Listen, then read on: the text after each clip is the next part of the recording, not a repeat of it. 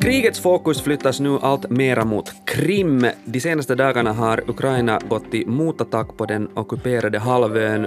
Att tusentals ryska turister eh, tvingats fly från badstränderna i Krim och att eh, massa eh, militär utrustning från ryska armén förstörs får Putin garanterat att kallsvetta. Så hur ska han nu kunna fortsätta hävda att Ryssland inte är i krig och kan kampen om Krim bli en vändpunkt för hela kriget?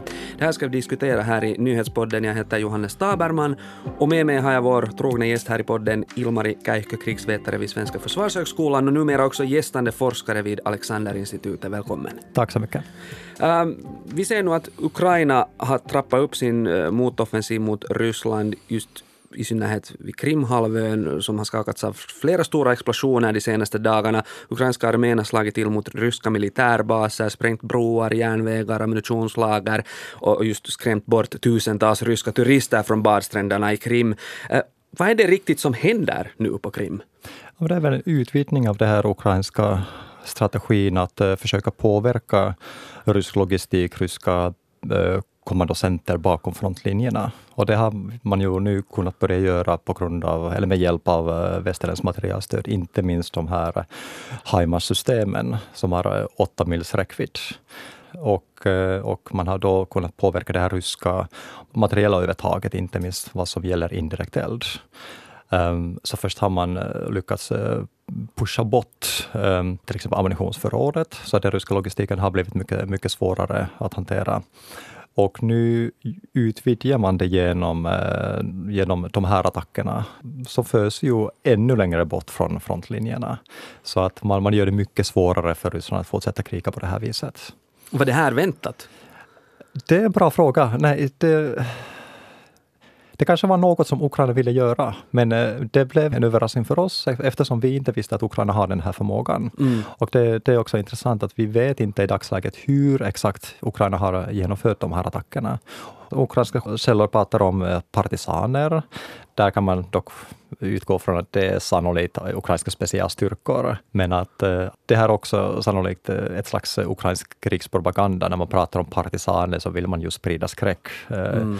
bland ryssar och, och alla som samarbetar med ryssar på de ockuperade områdena.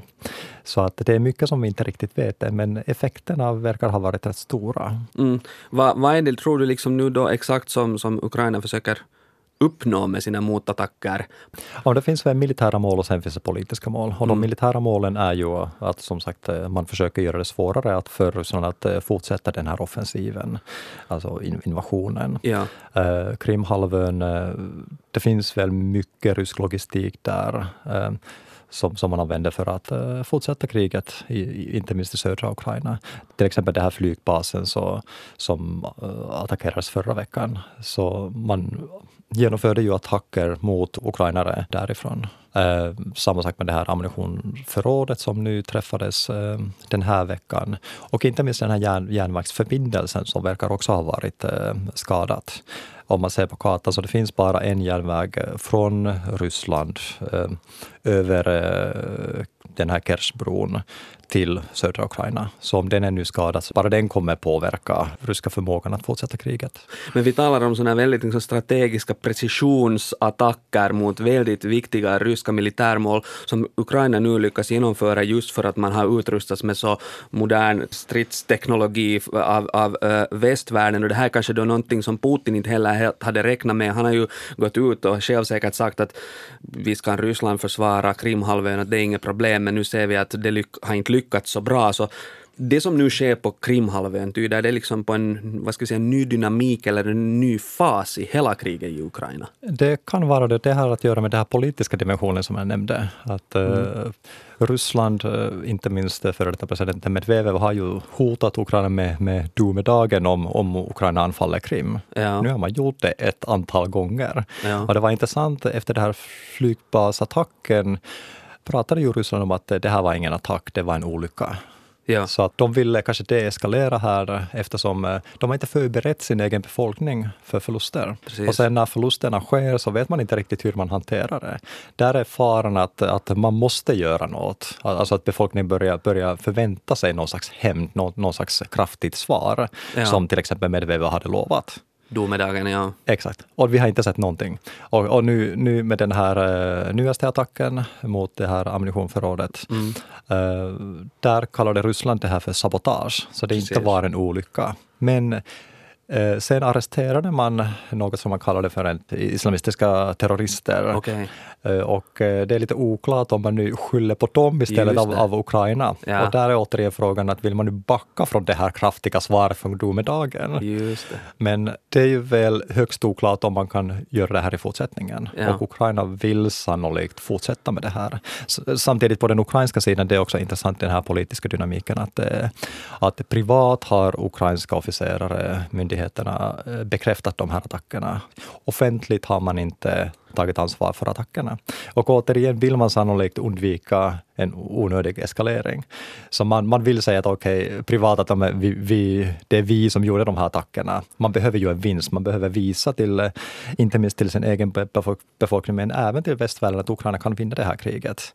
Men offentligt vill man inte rätta upp Ryssland i onödan. Ja, precis. Men det känns ju lite som att Ukraina nu har, har lyckats på något sätt ta initiativet och tvinga nu Ryssland att reagera, vilket ju var helt omvänt i början av den här, det här storoffensiven då. Eh, men, men som sagt så det kan ju finnas vissa risker med det här att man, man försöker nu komma Genom att till exempel jaga bort sådana här ryska turister från badorterna komma liksom Putin under skinnet för att det blir en sån prestigeförlust för honom. Finns det inte stora risker med det här? Det finns risker. Just det här, det, den största risken är att nu deklarerar eh, Ryssland krig. Men vi har inte sett några tecken på det heller. Nej. Och det, det är något som vi har kanske pratat om sedan kriget började, men, men det har inte funnits några tecken på det. Putin verkar vilja begränsa krigets eh, effekter för sin egen befolkning. Sannolikt litar han inte på sin egen befolkning. Samtidigt om man deklarerar krig så höjer man förväntningarna igen och Ja. då måste man kunna leverera. Och nu om man ser på frontlinjerna så det är inte så himla mycket som har skett där sen, sen början av juli egentligen. Um, när det gäller det här initiativet, det är bra att du nämnde det. Um, en fördel med partisaner är att de finns ju bland, eh, bland befolkningen. Mm. Och eh, de har ju lätt att ta initiativet. De kan ju i princip eh, slå vad som helst. Mm. Och, det, och eh, det, det är väldigt bra verktyg för, för Ukraina. Att, att eh, ens prata om det här. Vi vet ju som sagt inte hur mycket riktiga partisaner finns. Eh, jag tycker att det är viktigt att skilja mellan partisaner och specialstyrkor. Men att, eh, att om nu och när Ryssland nu måste förbereda sig inför sådana attacker på alla möjliga platser så tar det ju väldigt mycket resurser från Ryssland. Och bara det hjälp, kan hjälpa Ukraina väldigt mycket i det här kriget. Ja, det, det är ju faktiskt liksom känns sådär lite som Ukraina har ett psykologiskt övertag och nu blir det intressant att se. Putin måste då liksom sitta nu och välja lite mellan att, att ska han då slå hårt eh, tillbaka, men då är det, blir det ju svårare och svårare liksom att övertyga den egna befolkningen om att man inte är i krig. Och jag tänker just att det här sätter ju hård press på honom just när, när liksom välbärgade ryssar som tvingas avbryta sin semester frågar sig kanske att varför det? Vi är ju inte i krig. Exakt, och de turisterna utgår jag pratar om sina erfarenheter på sociala medier och sprider den här informationen att "Nå, men nu är det något som har hänt. Ja. Så att eh, jag skulle inte underskatta den, den effekten också. Nej. Och, och det, det är också intressant, den här första attacken skedde ju eh, under en eftermiddag. Mm. Så att det var perfekt tid, tillfälle för det här att, att eh, man kunde väl räkna på att det finns folk som kommer filma det här. Ja. Mycket bättre tidpunkt. En på morgonnatten. Ja, exakt. Ja, exakt. Ja, ja, smart faktiskt. Men eh, krigets fokus börjar flyttas nu, ser vi allt mera mot Krimhalvön. Och det var ju också Krim som stod i centrum när Ryssland gick in i Ukraina för åtta år sedan, så nu är man liksom på ett sätt lite tillbaka nu där, där var det startade. Och, och Krimhalvön har ju varit någon form av krutdurk redan i flera hundra år med och mål för politiska och militära konflikter. Och jag tänker här liksom bara som bakgrund just att, att liksom den här sovjetiska ledaren Khrushchev gav Krimhalvön i gåva till Ukraina 1954 Men det betydde inte att Ryssland slutade se det här Krim som sitt och när Sovjetunionen kollapsade så ville Ryssland behålla Krim men, men, men det förblev ändå ukrainskt och det här försökte då Putin ändra på 2014 genom att ockupera Krim vilket också ökade hans popularitet betydligt. Så, så jag funderar liksom att varför är Krim så viktigt för Ryssland och Putins imperium? Är det främst av politiska, militärstrategiska eller just av historiska skäl? Vad skulle du säga? Ja, med alla tre, så Okej. om man börjar med det militära så finns ju eh, den ryska svarta flottan finns där. Så Mm. att även före den här invasionen så fanns det väl eh, rätt många ryska soldater där. Så det är kanske lite missvisande att prata om en inva- invasion när det fanns fler ryska soldater Mm. där 2014 än ukrainska soldater. Precis. Så att det var viktigt för, för, för Ryssland att inte förlora det här området. Eh, Det var nog det som man förlorade efter, efter revolutionen på Majdan 2014, våren. Eh, Men det finns även historiska och kanske kult, kulturella skäl också. Och eh, Putin eh, pratade ju om eh, Krimhalvön som, eh, som helig 2014. Ah. Och det var ju helig eftersom Vladimir den första, enligt legenden, lät döpa sig år 988 till grekisk ortodoxa tron. Ja. Och där börjar ju den här ryska nationella identiteten som en ortodox eh, nation. Mm. Men samtidigt om man tänker på Vladimir, han kallas ju för Volodymyr på ukrainska. Och han var ju inte från Moskva, han var från Kiev. Mm. Så att samtidigt eh, tar ju Ukraina honom Just som sin egen. Och om man ser på hans eh, heraldisk vapen så det är ju samma som Ukraina använder även idag. Som Ah. många ukrainska eh, soldater använder idag. Okej. Och, och här har man också en intressant eh, parallell att ni har med Vladimir och Volodymyr. Just det. Och har vi även idag Vladimir Putin och Volodymyr Zelensky. Ja. Så att, eh, Mycket så att, symbolik där också. Exakt, och båda kan säga att, att eh, det här är viktigt för oss. Ja. Ehm, Så att eh, även 2014, eh, det är sannolikt att en stor del, kanske även en majoritet av, av eh, krimborna faktiskt ville, ville bli en del av Ryssland. Det Ja. ska vi inte glömma, att, att eh, Krim var lite speciell. Det var, det var annorlunda än Donbass till exempel. Vad vet vi om liksom Krimbefolkningen idag och vad den vill? Jag skulle kunna gissa att, eh, att eh, stödet för Ryssland har nog ökat. Att de eh, som var lojala mot, mot Ukraina, de, de har väl lämnat. Men, men säkert finns, finns några, några kvar. Men, men det är helt omöjligt att säga hur, hur, hur läget ser ut exakt. Ja. Krim ligger ju på ett, liksom ett strategiskt område där vid, vid Svarta havet och du var inne på redan tidigare att Ryssland har använt Krim som en viktig underhållsbas för sina styrkor för att komma längre in i Ukraina och sen har- hade ju här Krimhalvön också stärkt Rysslands närvaro i Svarta havet här, jag menar redan i åratal.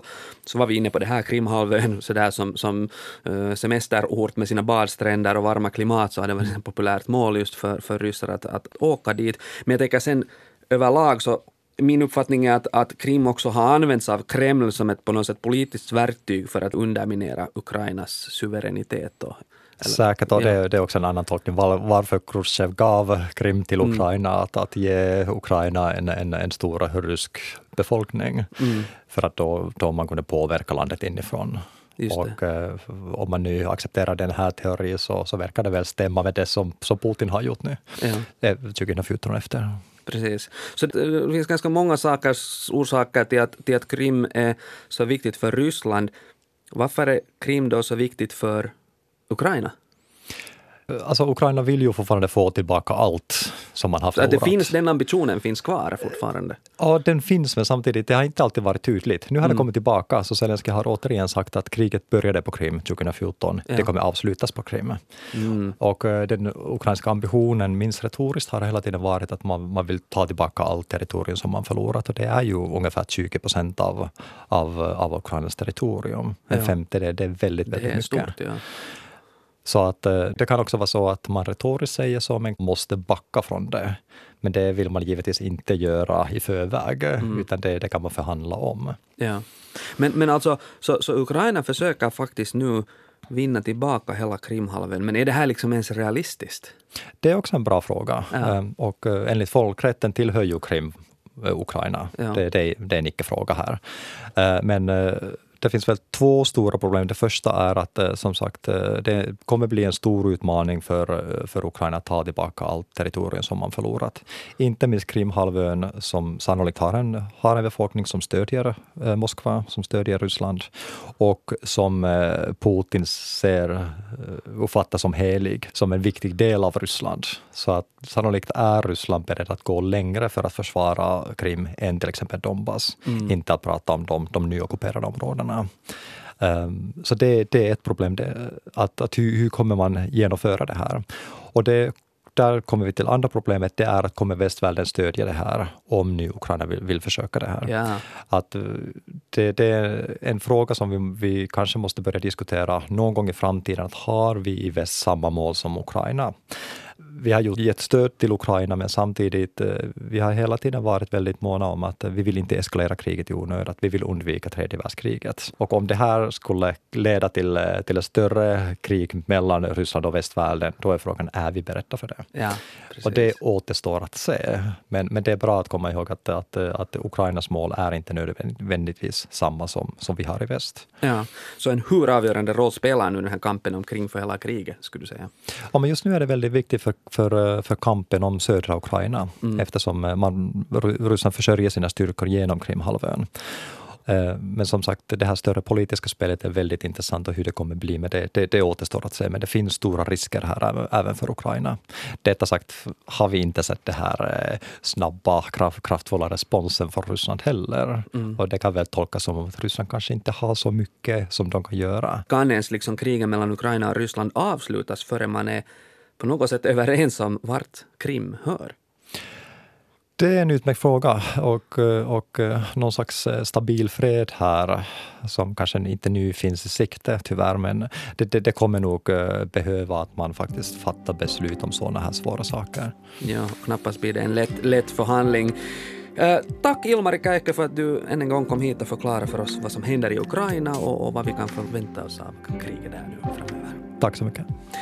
Du har lyssnat på nyhetspodden från Svenska Yle med mig Johannes Taberman, Ami Lassila är producent och tekniken sköttes av Jyrki Häyrinen. Fortsätt lyssna på oss.